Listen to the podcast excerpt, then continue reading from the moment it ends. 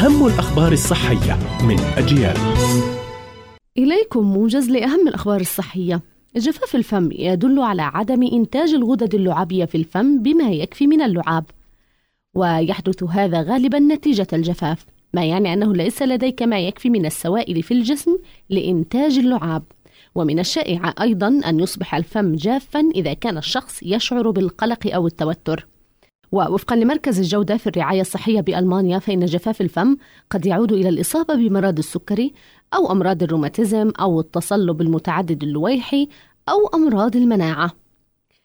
توصل باحثون من أمريكا وبريطانيا والسويد وألمانيا إلى أن الحفاظ على نمط حياة صحي قد يساعد في الوقاية من 60% من أمراض الأمعاء الالتهابية كمرض كرون والتهاب القولون التقرحي. أظهرت دراسة إلى أن بعض من يعانون من صعوبات النوم عليهم أن يجربوا ممارسة الرياضة بدلاً من تناول الأدوية المنومة. ويعاني معظم الناس من صعوبات النوم من وقت لآخر ولكن بنسب متفاوتة. وبحسب الدراسة النرويجية فإن الأشخاص الذين يتمتعون بلياقة بدنية أفضل كانوا أقل عرضة لأخذ أدوية منومة. كانت هذه أهم الأخبار الصحية قرأتها روزانا طه. إلى اللقاء.